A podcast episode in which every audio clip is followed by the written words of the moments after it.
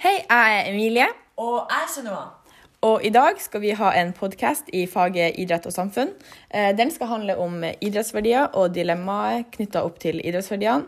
Dette blir veldig interessant og kanskje lærerikt for noen av dere, så følg med.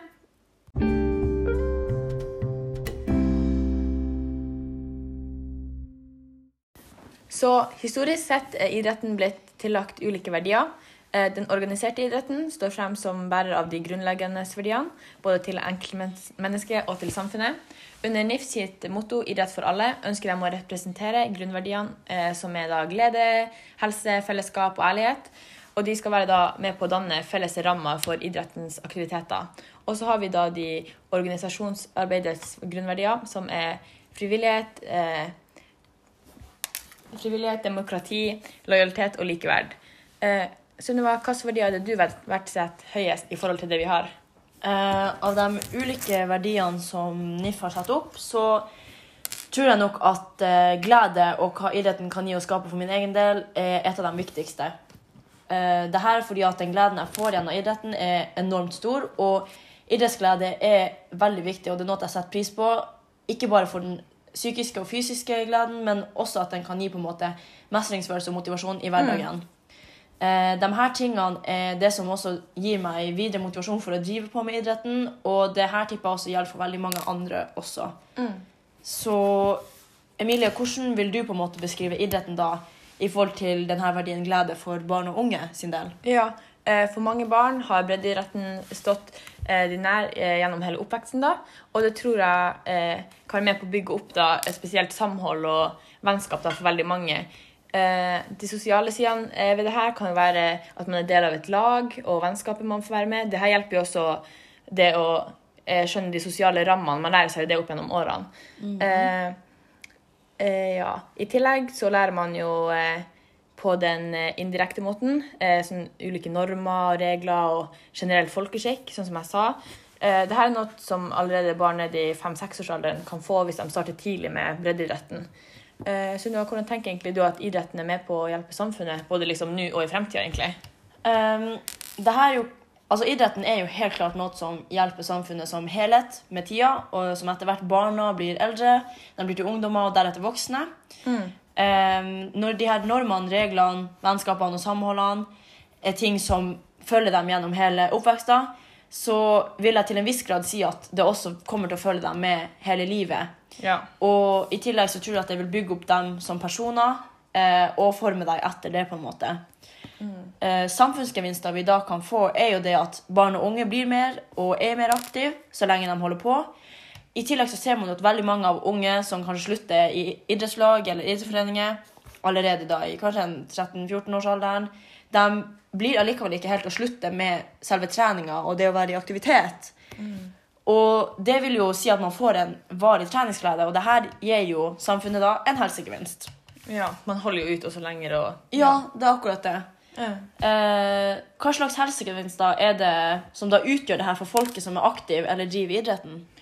Trening og aktivitet det kan jo øke da livskvaliteten hos mange. Både da psykisk og fysisk. Og det her minsker da risikoen for flere livsstilssykdommer. Og det kan eh, f.eks. Mis, eh, forminske depresjon.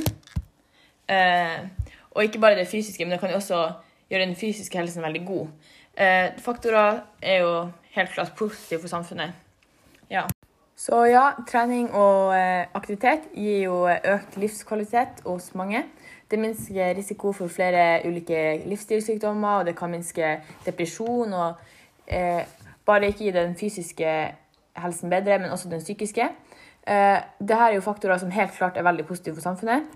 Eh, det gjør det lettere for samfunnet å på en måte fungere, og det kan fortsette å være med å man kan fortsette å være med for eksempel lenger i jobben og få andre jobber.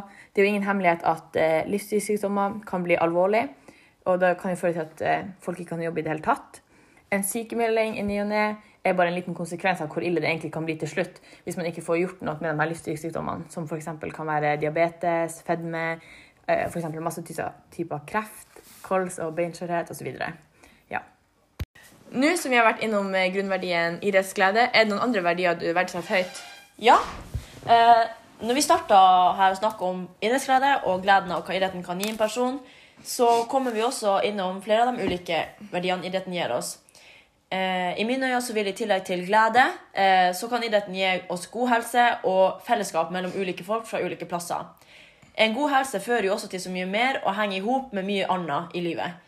Og det å definere en god helse er jo veldig vanskelig, og det kan rangeres veldig ulikt fra persons mål, interesser, nivå, alder osv. Men uansett så vil jo helsa i de aller fleste tilfellene bli bedre og i tillegg gi en positiv virkning ikke bare på den fysiske helsen, men også helt klart den psykiske, helse, psykiske helsa i forbindelse med da idrett og aktivitet. En god psykisk helse er i mine øyne minst like viktig å huske på å verdsette som den fysiske, om ikke mer. Og det her er jeg helt enig med. Det her er noe du nevnte også ovenfor, og du har snakka litt mer om der er også hvordan dette kan hjelpe da samfunnet. Fellesskapet som kommer og knytter bånd mellom både gutter og jenter, lagspillere til motspillere, medspillere, trenere, konkurrenter osv. Eh, I idretten er jo et veldig viktig arena der man får til det her. Og det åpner jo også opp for akkurat det her. Sosialisering og læring. og hvordan man både utvikler både det fysiske og psykiske og mentale ferdigheter. Eh, det er veldig viktig at idretten da legger opp til det her, uansett hvordan nivå man er på, eh, og hvordan idrett det er snakk om, da. Ja, det er jeg helt klart enig i. Um, og det som er, når vi er inne på det her da med å knytte bånd og liksom det her fellesskapet som idretten kan skape, så mm. syns jeg også det som er så fint med idretten, er at uansett hvordan bakgrunn du har, din etniske bakgrunn, hvordan familie du kommer ifra, kjønn, økonomien, kulturelle barrierer da, og så videre, uansett så er det alltid plass til deg i idretten sitt lille samfunn, kan man jo si. Mm. Og i mine øyne så vil jo idretten kunne bidra med å senke økonomiske og kulturelle barrierer. Mm. Eh, den vil alltid kunne speile vårt fantastiske samfunn med et mangfold av alle slags mulige typer mennesker. Og mm. idretten vil jo også vise sterkt hvordan et fellesskap mellom alle slags mulige personer kan bli. Uansett hvem man er, og hvor man kommer ifra. Ja, det blir jo på en måte et sted der man møtes for å ja, være ja. i lag. og det, Uansett hvor man er, liksom, hvordan person man er, så er det alltid en plass man kan komme til. og ja, ja, og sånn på, interesse. Ja, på kryss og tvers av både land og folk og mm. plasser. Ja, det her kan jo både bidra til eh, fellesskap både internasjonalt og nasjonalt, og mm. liksom innad de, de, forskjellige landene også, hvis man ser på det store. Ja. Og også det små, da, inni de forskjellige kommunene og sånn. De forskjellige skoler og sånn. Ja. ja.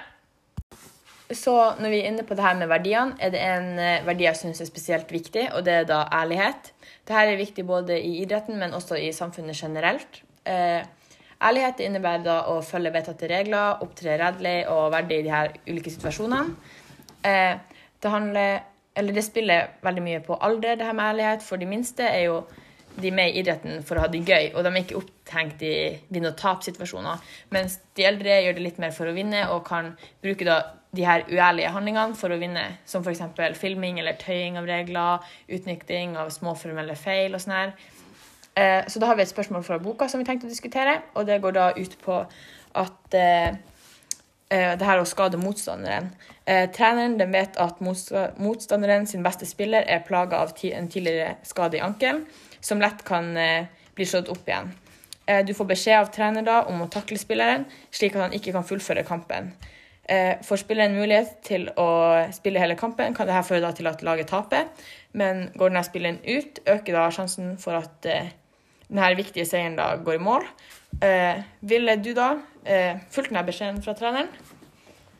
Um, nei, for meg så er det å skade motstanderen noe jeg ikke er for. Eh, standpunktet mitt er åpenbart at dette ikke er greit.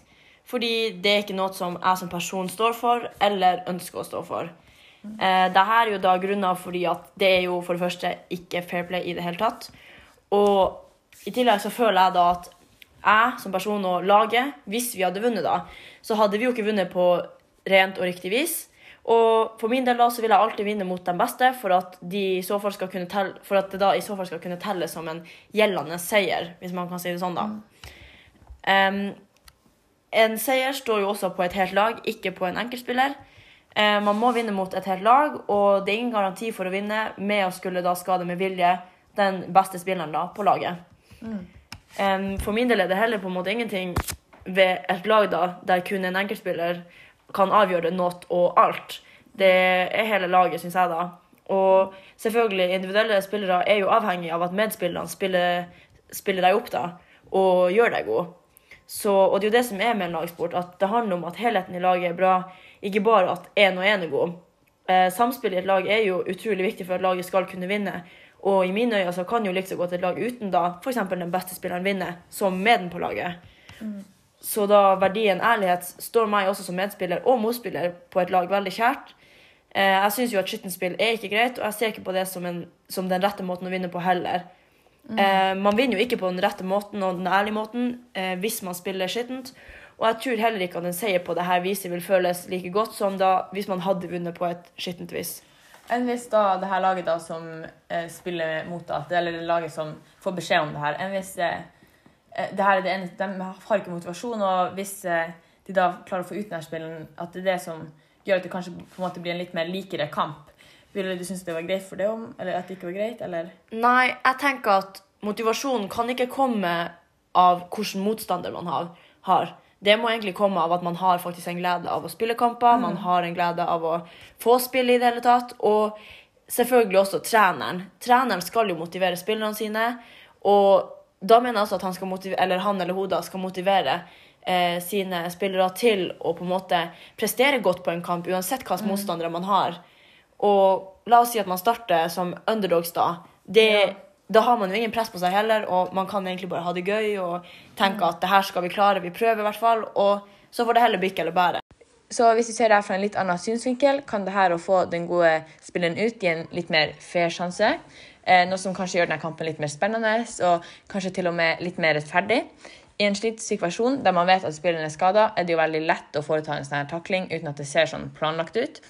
Eh, man kan også gjøre at eh, hvis spilleren går ut av kampen, at kampen kanskje at utfallet blir litt mer eh, uforutsett, og kanskje gjør at noen av de andre spillerne da, som ikke er like fullt så gode, får en sjanse til å gripe inn i spillet.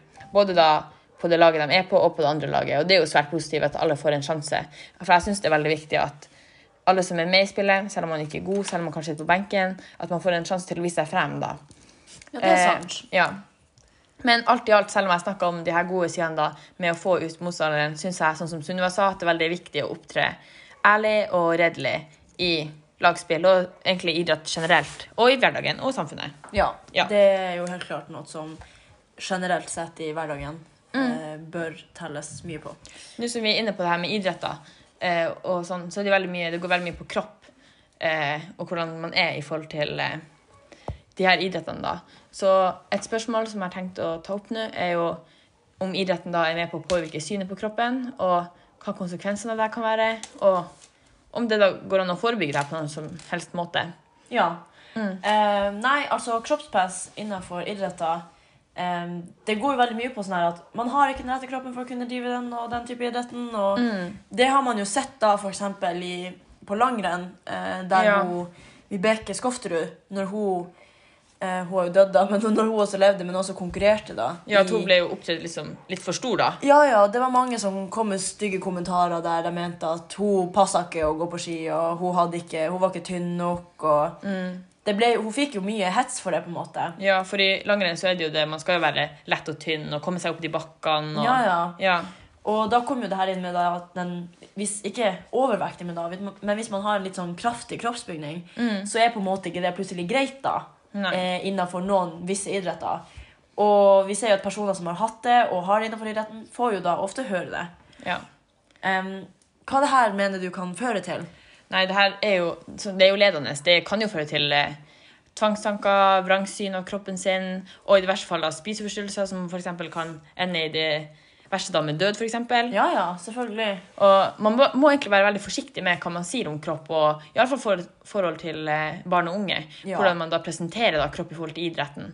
For det er jo veldig, veldig lett å på en måte havne på det sporet at man blir misfornøyd, og man føler seg ikke velkommen. og Ja, og det er jo egentlig med grunn, fordi man ser jo hvordan dagens samfunn er, og hvordan det kan bli liksom for visse personer. ja, Eh, og sånn som i mine øyne i hvert fall, så er jo kroppsformen og utseendet det trenger jo ikke ha en betydning i det hele tatt for hvordan prestasjonene til en utøver blir og er, eksempel. Nei, absolutt ikke. Og i tillegg selvfølgelig også at det er fort å på en måte skylde på personer som er ja, la oss si for stor da. De klarer ikke å få gode nok resultater fordi de har liksom ikke den ideelle kroppen og kroppsformen som de bør ha. Ja, og idrett også, det er jo med på å påvirke hvordan man ser på kroppen sin. For man har jo på en måte det, den ideelle kroppen til de forskjellige idretterne. For eksempel, det har ikke blitt visst ofte at f.eks. for eksempel en eh, løper, en lang, eh, langløper Langrennsløpet. lang, langrennsløper ja, unnskyld, er eksempel liten og kraftig. Det er ikke som ofte det vises frem. Nei, fall- nei. Og det representerer jo heller ikke representeres jo ikke så mye av det. Nei, og så tenker jeg også liksom på sånn svømmere, Ja. eller for eksempel sånn friidrettsutøvere. Ja. De, jo, de har jo i hvert fall veldig sånn utseendemessig en kjempebra trent kropp. Ja. Og man ser jo ikke liksom de store profilene. Nei. Ingen av dem er jo på en måte litt kraftig. Nei. Så selvfølgelig vil man jo få et visst bilde på hvordan da på en måte kroppsformen og utseendet skal være. Em, det jeg også ser på noen konsekvenser, er jo det at man, man til slutt klarer jo ikke å trives i sin egen kropp, og det kommer til å slite på helsa psykisk. Eh, I tillegg til den fysiske, så er jo på en måte det psykiske også Det spiller jo ekstremt mye på. Ja, det går jo hånd i hånd. Ja, det gjør jo det. Og det er jo egentlig veldig trasig, iallfall for, for eh, man, man ser jo ikke eksempel hvis Jakob Ingebrigtsen vet jo ikke hvordan hans forhold til mat og kropp egentlig er. Nei, nei, Det man vet aner jo ikke. Nei. Så det kan jo eksempel hende at han sliter med noe, men man vet jo ikke det. Nei. For det, det diskuteres jo ikke. nei. Det er bare lagt sånn opp egentlig at uh, Det er sånn det skal være. Og Ja. Sånn skal man se ut, og litt sånn der, da.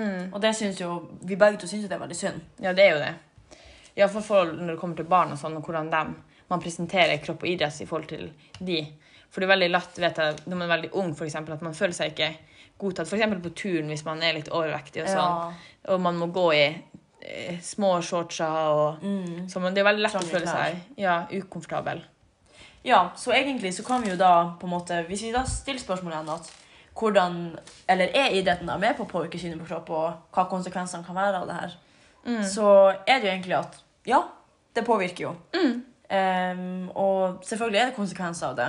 Man kan slite både psykisk og fysisk, og det kan hende at i verste fall da man får skikkelige problemer. Ja, det gjør man. Ja, ja, absolutt. Hvordan ser du på det at man kan på en måte forebygge det her? Eh, det er jo veldig mange, mange måter man kan forebygge det på. Det er jo både eh, snakke med barn og unge tidlig om det her. Man kan eh, presentere det her annerledes i media. Man Ja. kan vise frem forskjellige idrettsbilder, ikke bare de ideelle kroppene. Eh, og man kan lage et mer fellesskap for da eh, ulike eh, folk som driver idrett. da. Ja. Mm. ja, det er helt sant at kanskje man skal, eller kanskje man bør begynne å fronte litt mer av alle typer mulige kroppsformer, da, hvis man kan si det sånn. Ja, Lage et mer mangfold på det. Ja, at det finnes ikke bare de som er så og så tynne og så og så høye og sånn Mm. der, at det finnes veldig mye ulike kropper og utseender, og alle kan prestere like godt. Mm. Det trenger ikke å være avhengig av utseende og kroppsform. Nei. Men ja, hvis man skal se det fra et annet syn også, det med idretten at det kanskje ikke er med på å påvirke syn, så er det jo det at det er veldig mange forskjellige kropper i idretten, og det er jo veldig mange forskjellige som fronter det her, da. Selv om det ikke vises så stort i media, Ja. så er det jo mange ulike idrettsprofiler med idretten, Ja, som gjør det godt uavhengig av kropp. helt sant. Ja. Nei, men da begynner vi jo kanskje egentlig å Runde av. runde av, ja. Ja, takk for at du ville høre på. Ja, det var uh, artig. Kanskje vi ses igjen. Ha det! Ha det!